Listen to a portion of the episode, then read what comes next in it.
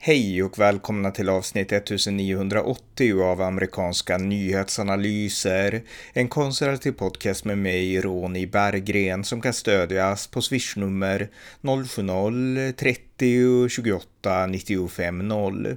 Här följer en uppdatering om det senaste i USA tillsammans med min svensk-amerikanske kollega Björn Nordström. Varmt välkomna! Björn Nordström, välkommen!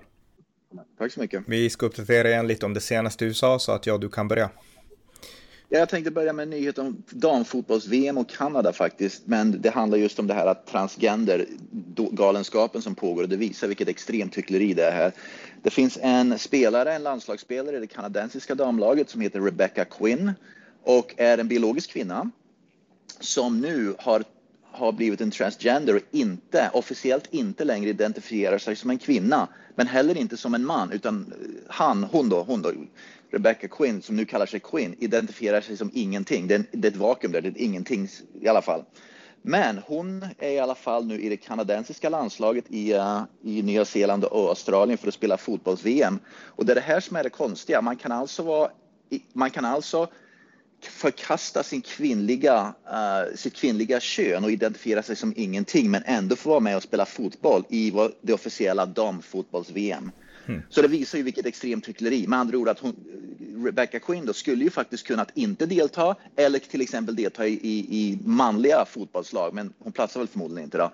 Men grundproblemet i det här, det handlar ju om att biologiska män som inte duger och är tillräckligt bra att spela sport mot andra män vill kunna utnyttja kvinnor för att kunna vinna och spela sport mot kvinnor istället. Va? Det här har blivit ett totalt dårhus. Mm. Så att om du är en biologisk man, då får du spela med kvinnor. Om du är en biologisk kvinna som inte längre identifierar sig som en kvinna, då ska du fortfarande få spela, spela sport med kvinnor. Det här handlar om att, att kunna utnyttja kvinnor för att eh, spela sport och vinna idrott. Ja, men, men jag tycker att det här är intressant. Det gäller även män som har bytt kön till kvinnor och spelar i damidrotten, men kanske ännu mer, men, men ännu mer intressant i det här fallet, därför att om, om man byter kön från man till kvinna, då vet vi att det, den mannen är biologiskt starkare, liksom allt det, ja. det vet vi redan. Men i det här fallet, jag menar, nu vet jag inte om hon har genomgått några hormon liksom men, nej okej, okej. Nej, för jag menar, för, för det finns ju dopninglagar, då tänker jag att då borde ju falla, det ja. falla inom sånt, tänker jag.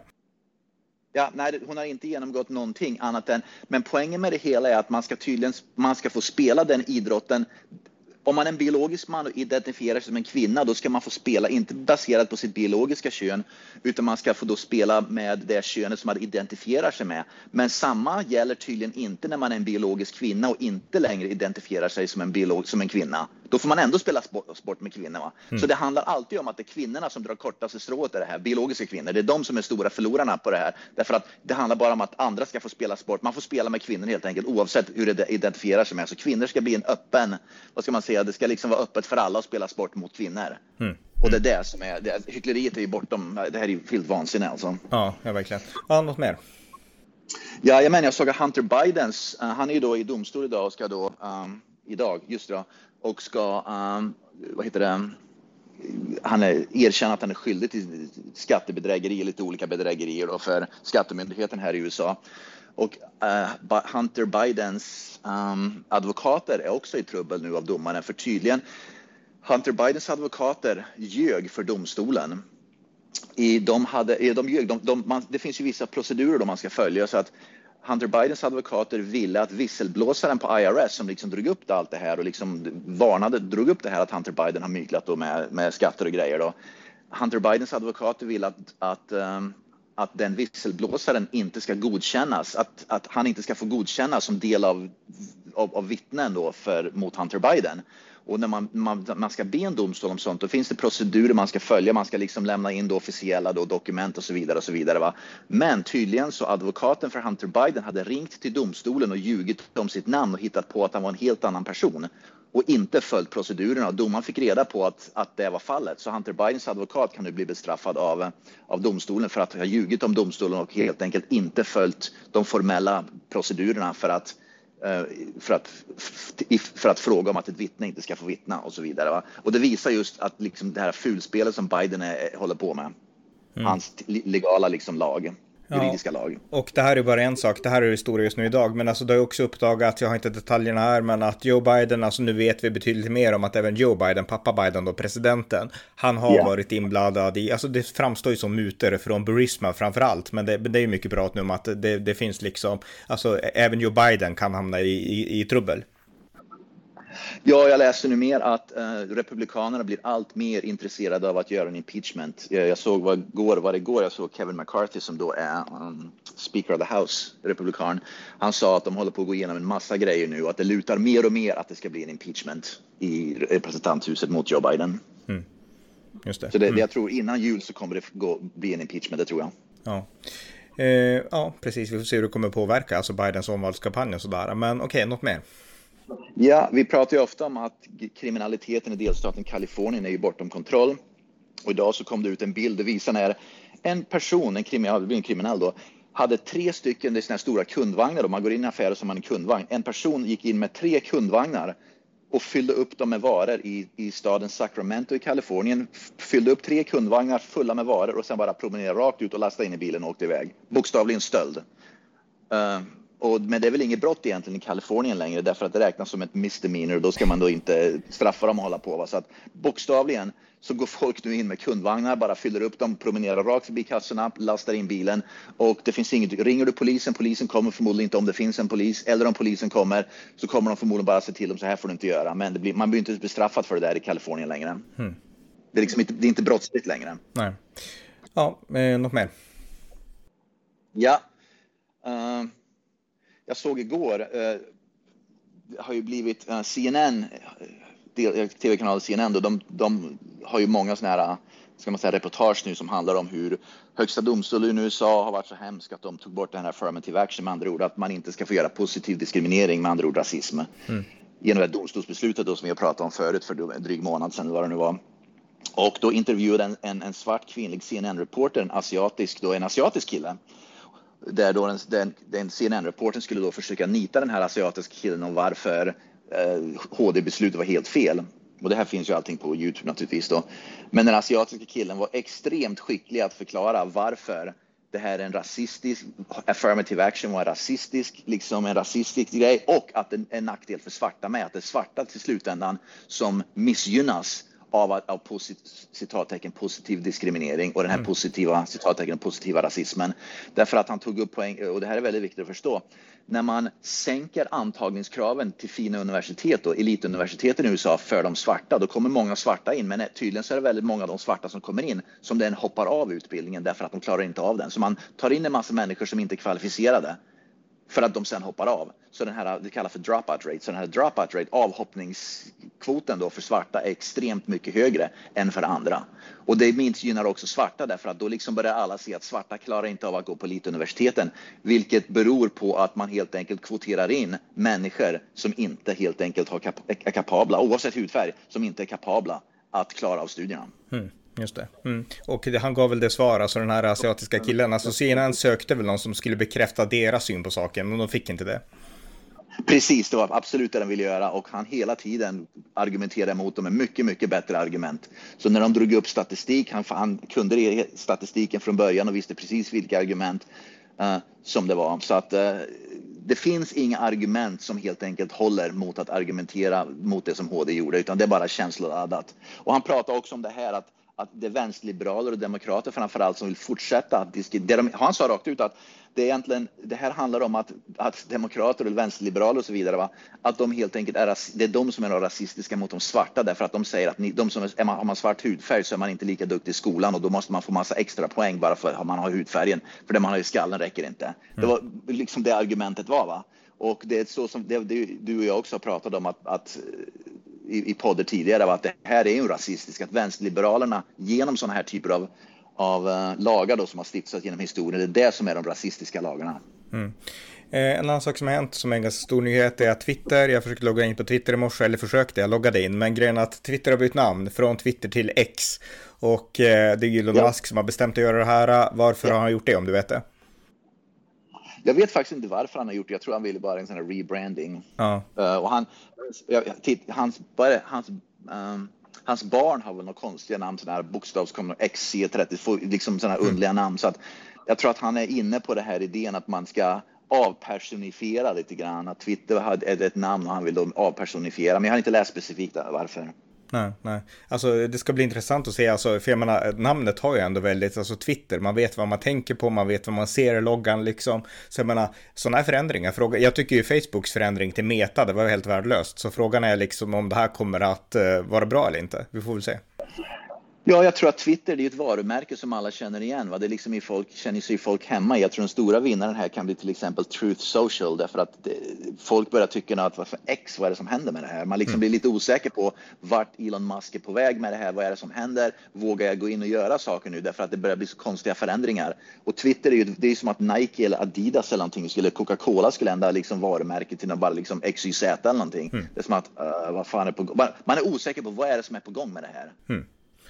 Verkligen. Och han hade, jag läser nu, jag googlade lite snabbt, han hade på 90-talet, 1999 så hade han någonting som hette X.com, hette, hade Musk då. Så att han är, han är på något sätt fascinerad av bokstaven X. Jag vet inte varför men. Mm. Jag tror att om, om man tittar på namnet på hans barn så tror jag också barnet har ja. bokstaven X i sig. Och det, det är liksom bara en, en, en konstig kombination av bokstäver och, och, och siffror och X är ett av bokstäverna. Mm, just det. Ja, vi får lämna det tills vidare. Något mer? Ja. Uh en Harvard-professor, det här visar ju de här vänsterliberala professorerna avskyr, vad ska man säga, rätts, rättssamhället. Och en, en, en professor på elituniversitetet Harvard som heter Mark Tushnet um, och en annan då professor på San Francisco State University, Aaron Belkin, namnet spelar egentligen ingen roll va, och ett antal andra professorer har skrivit brev till Joe Biden och uppmanat Joe Biden att göra sån här court stacking nu i HD. Med andra ord att vi accepterar inte att HD gör beslut som inte vi håller med om, utan nu får du se till att ändra konstellationen på HD. Och det enda sättet att ändra konstellationen på HD, det är att tillsätta fler HD-domare eh, under nuvarande regler. Va? Mm. Så att man ser verkligen att de här, den här eliten på universiteten, professorerna då, helt emot rättssamhället och rättsstaten som den fungerar. Utan går, då, då ska man liksom istället ändra på spelreglerna så att man får liksom utfallen som man vill genom mm. IHD. Mm. Jag såg ett filmtips, jag var på bio häromdagen och såg på premiären Oppenheimer, den här nya filmen av Christopher ja. Nolan som handlar om eh, Manhattan-projektet, alltså när man uppfann atombomben, när USA uppfann atombomben. Ja. Den var jättebra, så att jag vill bara jag ska inte avslöja för mycket, men jag rekommenderar den, den var mycket sevärd. Christopher Nolan är ju, han är ju suverän alltså. Ja, jag har också hört precis samma sak. Jag har inte sett den, men jag har hört samma sak. Ja, ja vi går vidare tills vidare. Något mer? Jajamän, uh, det har kommit fram ny information om Hunter Biden och det här visar ju också att Joe Biden, att han var korrupt uh, redan under uh, Barack Obamas tid när Joe Biden var vicepresident under Obama. Minst 25 gånger. så när Joe Biden var vicepresident under Obama så satt eh, när Hunter Biden, sonen då, satt i möten, då, businessmöten då med, jag vet inte vilka det var, kanske kineser, ryssar, ukrainare, Boris Malt, vad det nu var. Så bokstavligen under mötena så ringde Hunter Biden upp pappa Joe Biden som vicepresident bara för att bevisa att han var släkt med Joe Biden. Uh, och tog in på dem, och, liksom, och Joe Biden kopplades in på telefon till de där mötena som Hunter Biden satt i bara för att bekräfta då att ja, min pappa är vicepresident då. Och det visar att de han mötte med förmodligen kanske inte 100% trodde på att Hunter Biden var sonen till Joe utan de behövde en bekräftelse och mycket riktigt så fick de ju det då. Men det visar ju också att det är en extrem korruption som pågår. Mm. Därför att när de väl fick den bekräftelsen att pappa pappan till Hunter Biden är då vicepresidenten så kan man ju förstå att då kanske en, en, en business deal gick igenom istället för att den stoppades. Ja, man, man kan, ja exakt. Och, och det beror inte bara på att han var pappa utan även vad de här, om de var från Kina till exempel, vad de trodde att hans pappa kunde göra. Jag menar i praktiken ja, i USA och Europa, det spelar ingen roll vem din pappa är, jo men lite roll spelar det liksom. Men, men, i Kina då föreställer jag mig att om du är barn till Xi Jinping då får du vad som helst liksom. Så jag menar, de har förmodligen en mycket större respekt, jaha är det din pappa liksom, än vi skulle ha i väst. Precis tänker jag. Ja. Mm. ja, så han utnyttjade sin pappa och drog in honom på telefon ja. Eh, för att liksom bekräfta identiteten. Vilket, och det i, i sig självt är ju ganska skumt och korrupt. Mm. Mm. Ja, något mer? Ja, jag såg att Kamala Harris gjorde rejält bort sig. Hon liksom, hon, hon, grodor hoppade ut hennes trut konstant. Hon, skulle, hon började snacka skit uh, på, något, på någon presskonferens hon höll om, om delstaten Florida så, och uh, Ron DeSantis, då guvernören i Florida om deras uh, skolläroplan specifikt som handlade om slaveriet. Och jag, jag kommer inte ihåg exakt detaljerna, men att hon i alla fall eh, hittade på en massa saker som sen visade sig vara helt påhitt uh, när man gick in och tittade. Så att då var det ju då naturligtvis när fact checkers som gick in och tittade på vad egentligen um, Floridas läroplan sa om slaveriet. Och det visade sig att inte helt of, oförväntat alltså som Socialdemokraterna i Sverige att Kamala Harris hade blåljugit om vad, mm. vad läroplanen i Florida sa om, om undervisningen kring slaveriet. Så poängen med det hela, det spelar ingen roll vad detaljerna utan poängen är att, att Kamala Harris är precis som Annika Strandhäll och, mm. och liksom andra socialdemokrater. Det blåljugs helt öppet. De har ingen aning om, de har aldrig läst dokumenten själva. De bara hittar på för att liksom framställa någonting i, i negativt ljus. Mm. Men tack och lov så tog John, Ron DeSantis och hans stab liksom upp det och mm. påvisade då genom fakta att det här är det som är fakta. Så här står det faktiskt i läroplanen. Just det, just det. Mm. Ja, något mer?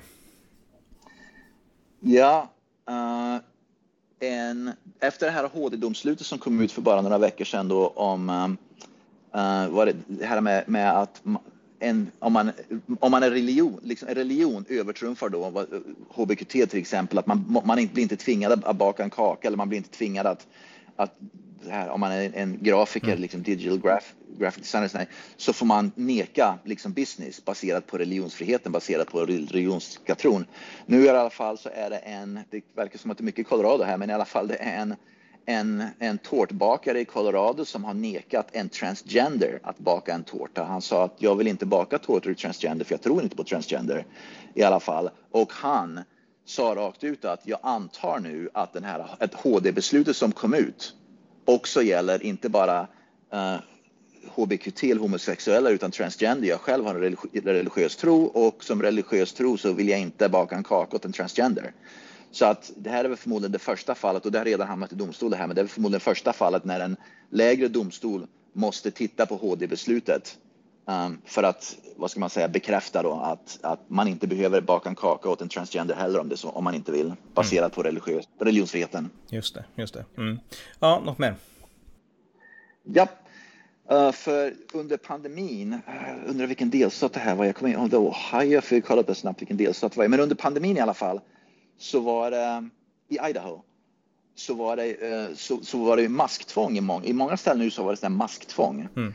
Uh, liksom, och i, under pandemin då, i, i en stad i Idaho så var det, hade, så var det en kristen grupp som, som uh, hade någon slags om man var inomhus i en kyrka så var det masktvång därför att federala myndigheter, även delstaten, liksom började påtvinga folk att ha masker liksom som tvång då, även i kyrkor. Och det var ju mycket bråk mellan kyrka och stat. Uh, I alla fall så många kyrkorna då under pandemin, de började ha uh, sina kyrkoservicer utomhus istället och så att folk inte behövde bära masker. Mm. Men i alla fall så var det en kyrka i Idaho som hade sin, uh, sin vad heter det, mass, mass um, vad heter det på svenska? Ja, ja men mässa, gudstjänst. Mm. Mm. Mass, ja, precis, gudstjänst, ja tack i alla fall som hade sin gudstjänst då utomhus och folk kom inte dit med masker och de blev arresterade. Nu har i alla fall, ja det var eh, staden Moskau, det var ju där här äh, mm. våldsamma morden skedde. Ja, mm. i alla fall.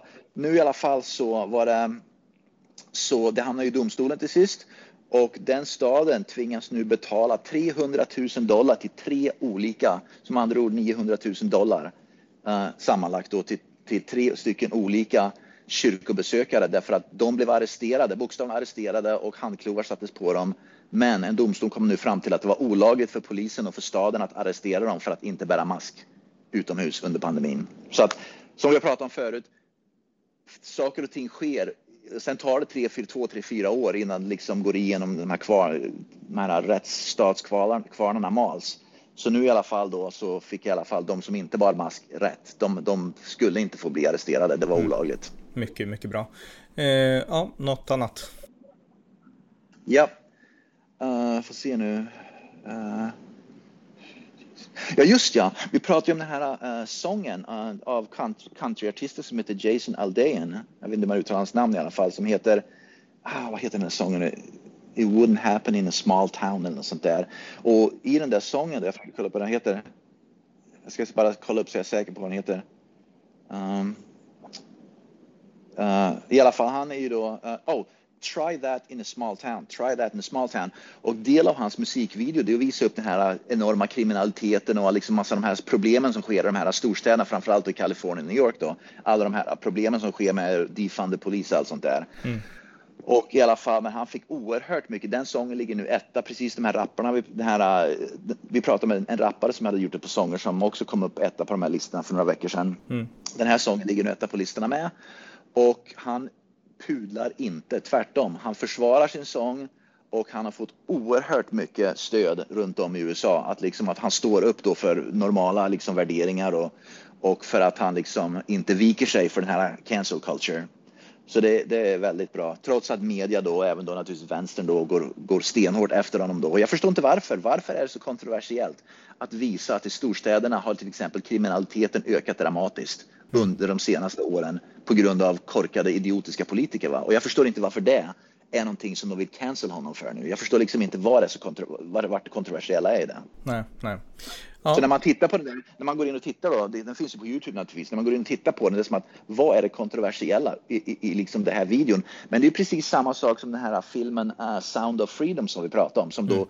enligt SVT Kultur och även amerikansk vänsterliberal media då, Eh, den är kontroversiell och konspiratorisk. Och det slår, vad är det för kontroversiellt och konspiratoriskt med att man belyser det vidriga med barnhandel och pedofili. Varför är det konspiratoriskt och kontroversiellt? Det förstår jag inte heller. Nej, nej. Han sjunger lite grann om att I got a gun uh, that my granddad gave me. Alltså det är inget kontroversiellt utan det är så amerikanskt liksom. Så att, det finns det. Ja, mm. men, men tänk dig då alla de här jävla gangsterrapparna som mm. sjunger om att döda poliser och vi pratar ju om den här gangsterrapparen i delstaten Florida, ja. jag kommer inte ihåg hans namn exakt, som då sjunger om att jag ska skjuta ihjäl liksom att det, vänsterliberal media kritiserar aldrig de här svarta gangsterrapparna som sjunger om att döda, mörda, slakta, vapen, vapen, vapen. Det får de, men här är en kille som liksom sjunger om en amerikansk tradition. Man får en, polis av sin far, eh, förlåt, en pistol av sin farfar när man fyller 18 typ.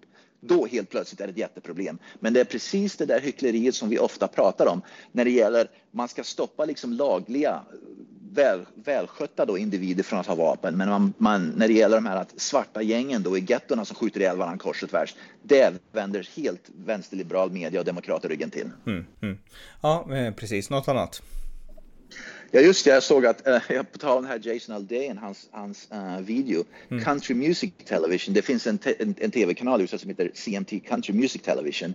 De har också de har, de har stoppat hans video, vilket är skitkonstigt mm. därför att den, den tv-kanalen är liksom riktad till konservativa amerikaner. Av konstig anledning så föll de för det här, precis som Bud Light. Bud mm. Light är egentligen en konservativ öl. Så de gjorde, de gjorde en Bud Light och stoppade så nu har massa människor börjat bojkotta då Country Music Television. Så vi får se hur länge den kanalen kan hålla sig livan, levande nu eftersom eh, ja, folk inte tittar på den längre. Och det, det är liksom, de, de får en Bud Light av det hela. Ja, en Bud Light bojkott. Ja, alltså jag har inte, ja, sett, jag har inte sett den här videon än, that, that, Try That in a Small Town America, men, men liksom, det, när jag ser, för jag har googlat nu, jag ser bilder på honom, men jag tycker han påminner både till texten och till hur han ser ut om Toby Keith, minns du honom, den här gamla, ja, alltså, det var ju typ 15-20 år sedan som han var inne, men han, han var ju också så här cowboy-stil, patriotiska sånger och han var väl inte kristen så, men det var ändå liksom det patriotiska och så var det liksom country och, och så. Jag tycker, och Jason det, det, han har gått rakt ut sagt att jag är patriot så att ja. jag tänker inte vika mig. Jag, jag, jag, står upp för USA och jag älskar USA. Och det är väl det förmodligen som är det kontroversiella, att det är någon som står upp och säger att jag är patriot och jag älskar USA. Det är väl det vänstern har problem med, antar jag. Ja, men det, det visar också hur pass mycket attityderna förändras. För jag menar, Toby Keith, alla älskade honom då. Det var krig mot terrorn och ja. så, alltså alla spelade Toby Keith. Ja. Det var, fanns ju i Sverige också på ja. liksom, pubbar uteställen. Liksom. Han, var, han var ju superpoppis. Och idag så kommer det en som är ungefär likadan och han blir helt utbuad. Så att, uh, ja. Ja, den sista grejen som jag har, jag var och tittade på Sound of Freedom igen. Jag ville gå på den igen därför att jag hade de här jag hade kompisar som är här hälsade på från mm. Sverige och de ville gå och titta på den. Så i alla fall, jag gick och tittade på den igen. Och den här gången så ställde sig folk upp efter filmen och gav den stående ovationer, bokstavligen. Helt otroligt vilket gehör den fick. Mm. Och den, den, har, den, har, den går bättre ekonomiskt än uh, Mission i den senaste Mission Impossible-filmen och Indiana Jones. Men att det var otroligt att se efter filmen ställde sig upp och applåderade, folk upp och applådera. Det var helt fantastiskt alltså. Men, men skulle den här filmen, vad tyckte dina svenska bekanta? För skulle den här filmen gå hem i Sverige? Det är det jag undrar. Eller är den för amerikansk? Mm. Nej, det, skulle, det här är ju ett internationellt globalt problem, så att det här är ju ingenting som det här bara råkar vara amerikanska skådespelare och liksom handlar lite grann om USA, men det handlar också om Colombia, om Honduras och Mexiko, liksom att det, det, är andra länder med och det här är en global grej. Va? Mm. Och min kompis, han, han ska kontakta då uh, biografen där han bor i hemstaden, han bor i hemstaden i Sverige och kontakta mm. dem och se till och, och, och pressa dem att liksom ta in den här filmen, den, den måste ses. Va? Så att uh, han, de älskar filmen, de tyckte den var helt kanon. Så att det här är en absolut film som även, om inte annat, oavsett vad liksom det här, vad ska man säga, meddelandet är i filmen, att, att man belyser då pedofili och, um, och barnhandel. Oavsett det så är det bara en jäkligt bra film. Mm som film. Som underhållning så är det en otroligt bra film. Och sen att det råkar vara baserat på verkliga händelser och belyser det här väldigt hemska, vidriga ämnet. Det gör det ju bara bättre, va? men som en film, oavsett ämnet, är det en kanonspännande, bra film. Ja, och musiken, film, filmmusiken är otroligt bra.